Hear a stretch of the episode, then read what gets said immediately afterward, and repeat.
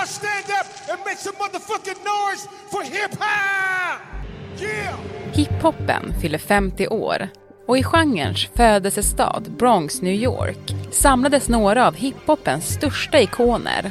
50 of you in the center rush and let's get it, y'all! Cruising down the street in my six Men dagens unga rapstjärnor som toppar listorna här i Sverige är inte med på nostalgitrippen.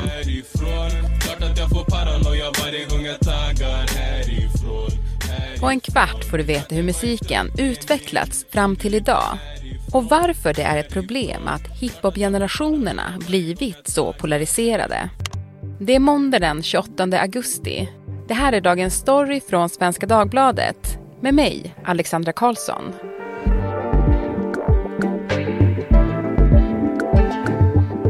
Gäst idag är Emil Arvidsson, frilansjournalist som skriver för SvD. Eh, Ska vi lyssna lite på, eh, kan du ta upp här, ska vi höra pyttelite? Jag vill bara komma lite i stämning. Will the real Slim Shady please stand up? I repeat, will the real Det var också otroligt med den här skivan, för man lyssnade på skivor som skivor då. Och då är det så mycket så här, alltså det är teatern när han pratar med sin manager. Skitsen, ja. ja. ja, ja. Okej, det- det är bra. Den är ändå otrolig, tycker du inte det Emil?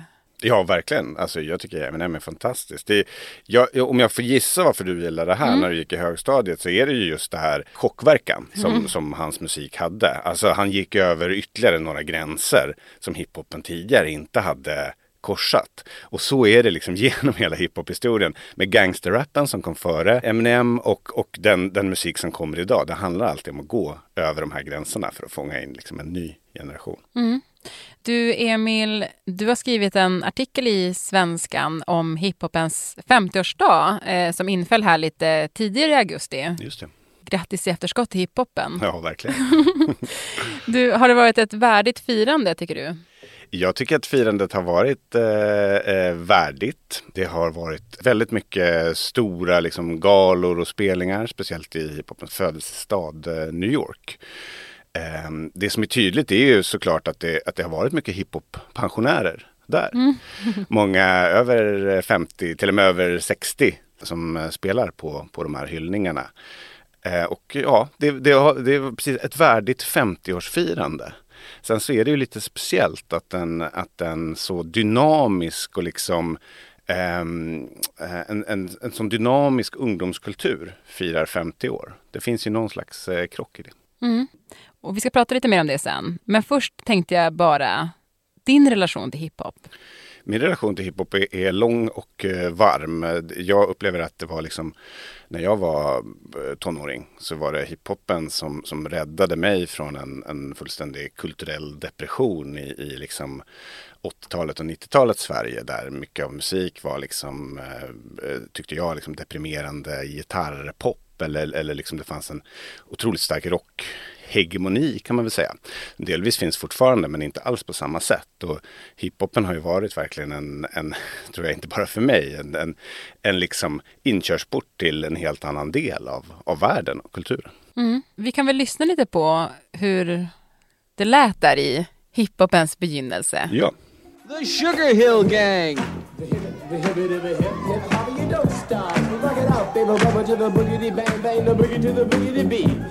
Now what you hear is not a test. I'm rapping to the beat, and me, the groove, and my friends are gonna try to move your feet. You see, I am Wonder Mike, and I like to say hello. Det här är ju det som anses vara den första hiphoplåten att nå kommersiell framgång. Och den kom 1979 och det är ju Sugar Hill Gang med Rappers Delight. Emil, vad har du för relation till den här tidiga hiphopen?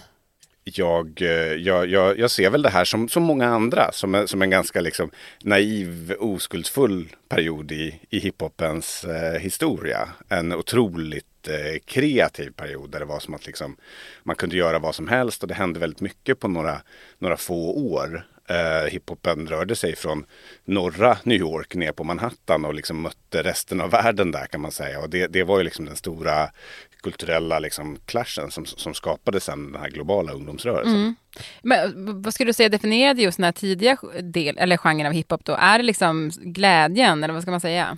Ja, mycket är det ju. Och framförallt i historieskrivningen om den så är det ju väldigt mycket att man pratar om att det var, det var glädje, det var positivitet och så. Och det, det finns många idag som säger att ja, men det, jag, jag längtar tillbaka till den här tiden när hiphopen bara var, handlade om musik och att liksom battla med ord eller att dansa eller måla graffiti och så. Där det inte var massa liksom kriminalitet och gäng och massa fula ord och så.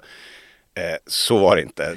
Kopplingarna till lokala gäng, kopplingarna till den gatukulturen har alltid varit central i hiphop. Det tycker jag är viktigt att komma ihåg. För om vi skulle ta oss fram till dagens topplistor, Mm. Emil. Alltså hur låter hiphopen 2023?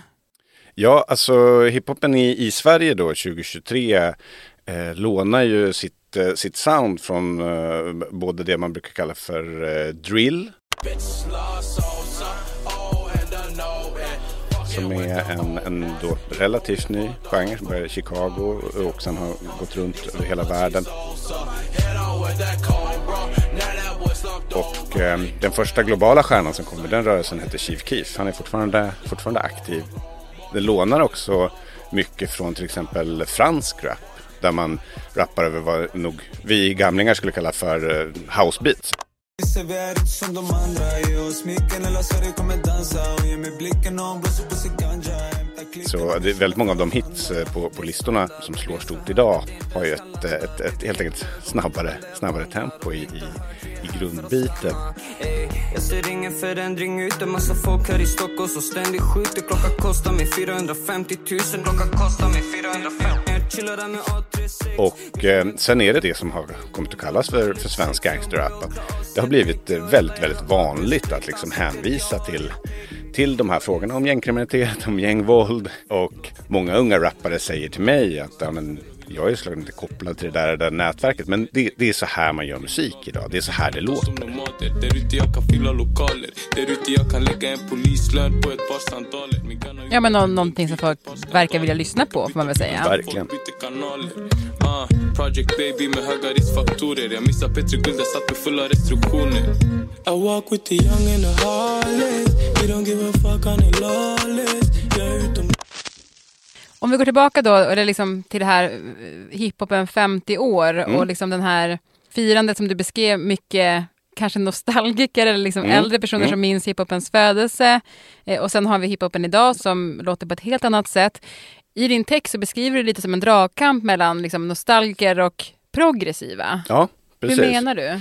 Jo, men jag menar att, att hiphopen har alltid haft de här, de här två spänningsfälten. Det har alltid funnits någon. Sä säkert liksom 1985 så fanns det någon som sa det var bättre förr. Eh, Eh, och det är ju ganska tydligt i, i ungdomskultur. Ungdomskultur utvecklas väldigt snabbt och, och den lämnar kanske de tidigare utövarna lite i bakvattnet. Och så är det verkligen i hiphopen. Och det, det har också att göra med hur hiphopen då har har ibland blivit mer, mer extrem, försökt pusha olika typer av gränser för olika typer av normer i samhället och hur då en äldre generation, en äldre hiphop-generation då kanske inte vill ställa upp på, på de villkoren. Så då, då längtar man sig tillbaka till hur man tyckte det var förr. Och det jag tycker är kanske nästan lite problematiskt då, det är att Eh, Den yngre generation som är stor, både internationellt och i Sverige, de deltar inte i den här nostalgitrippen. Det är väl rimligt att inte de gör det på ett sätt. Det är också lite synd nu när hiphopen är då så pass mörk, när den tar i så pass mörka ämnen som den gör, speciellt i Sverige idag, kan jag känna lite ibland att många av de här 18-åringarna skulle nog kunna tjäna lite på att få höra från någon som var i alla fall lite äldre och hade lite mer perspektiv på livet. För mycket av den här musiken görs också i en bubbla och blir också mörkare just av det. Mm, men det är väldigt nihilistiskt. Ja, precis. Och, och om förr om åren så tog den svenska hiphopen med många av de artisterna vidare in i samhället. Det ser inte jag hända riktigt idag. Och det är därför jag önskar att det fanns kanske ändå flera broar mellan generationerna här.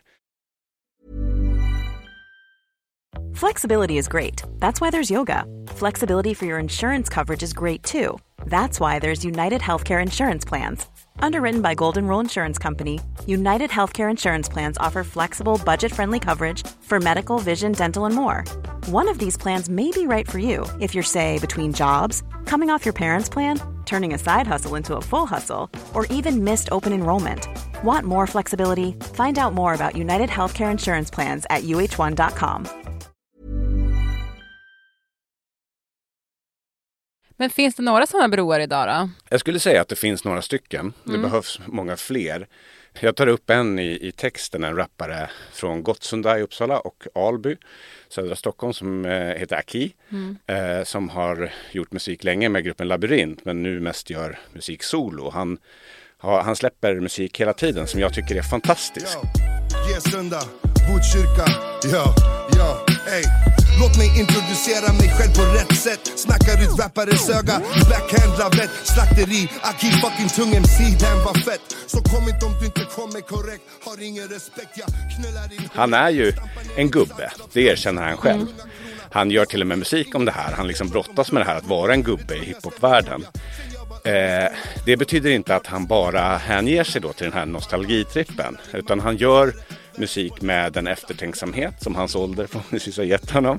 De nyanser som han har efter, efter liksom en lång karriär i hiphopen. Men han gör musik om det som händer i till exempel Alby idag, den här veckan. Det är ganska unikt, även för en person med den åldern. Mm. Men vilken status har han då bland de nya yngre? Han har en eh, hög status, skulle jag säga, i och med att många av de här yngre har växt upp med hans grupp Labyrint. Mm. Mm. Det har han verkligen. Och eh, jag eh, hoppas att han kan få en ännu högre status, inte bara för att han är en briljant eh, rappare, utan just av den här anledningen att det perspektiv som han för med sig in i den hiphop som görs varje vecka i Sverige idag. Det är livsviktigt tror jag för många av de yngre artisterna.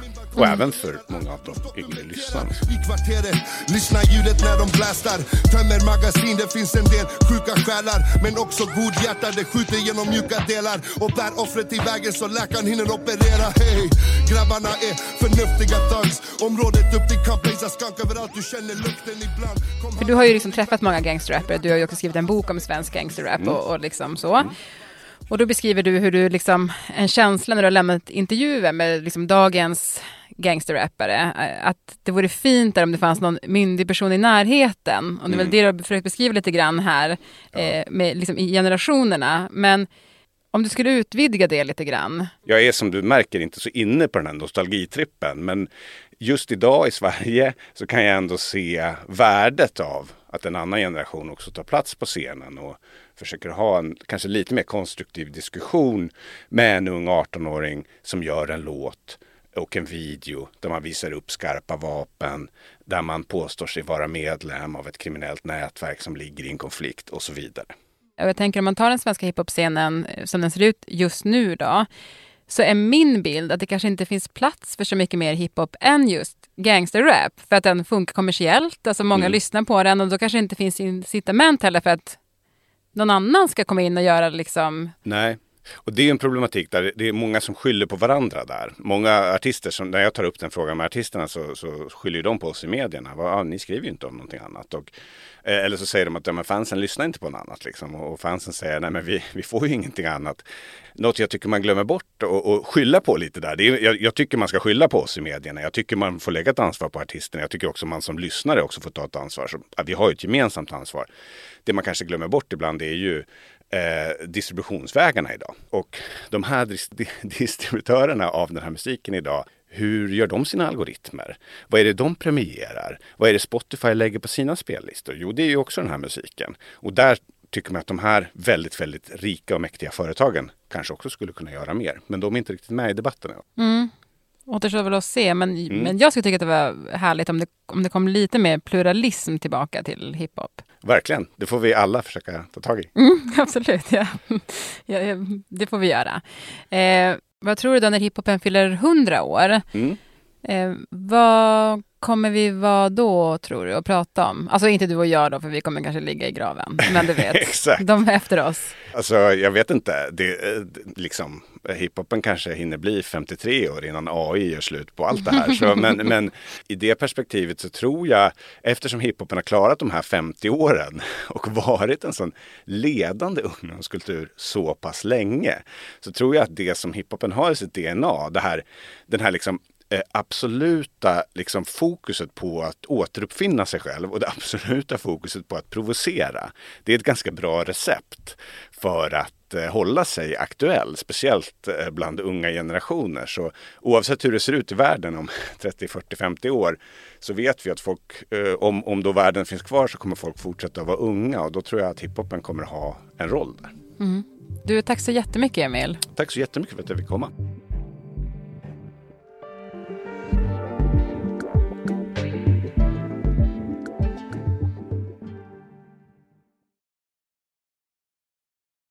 Och jag ska också säga att programmet idag det producerades av Moa Larsson, redaktör var Stina Fischer och eh, vi hörde musik i programmet och det var Yasin, Sugar Hill Gang, Aki, Eina med A36, Eminem och nu Febben. Med Bränn bh. Precis. Ja.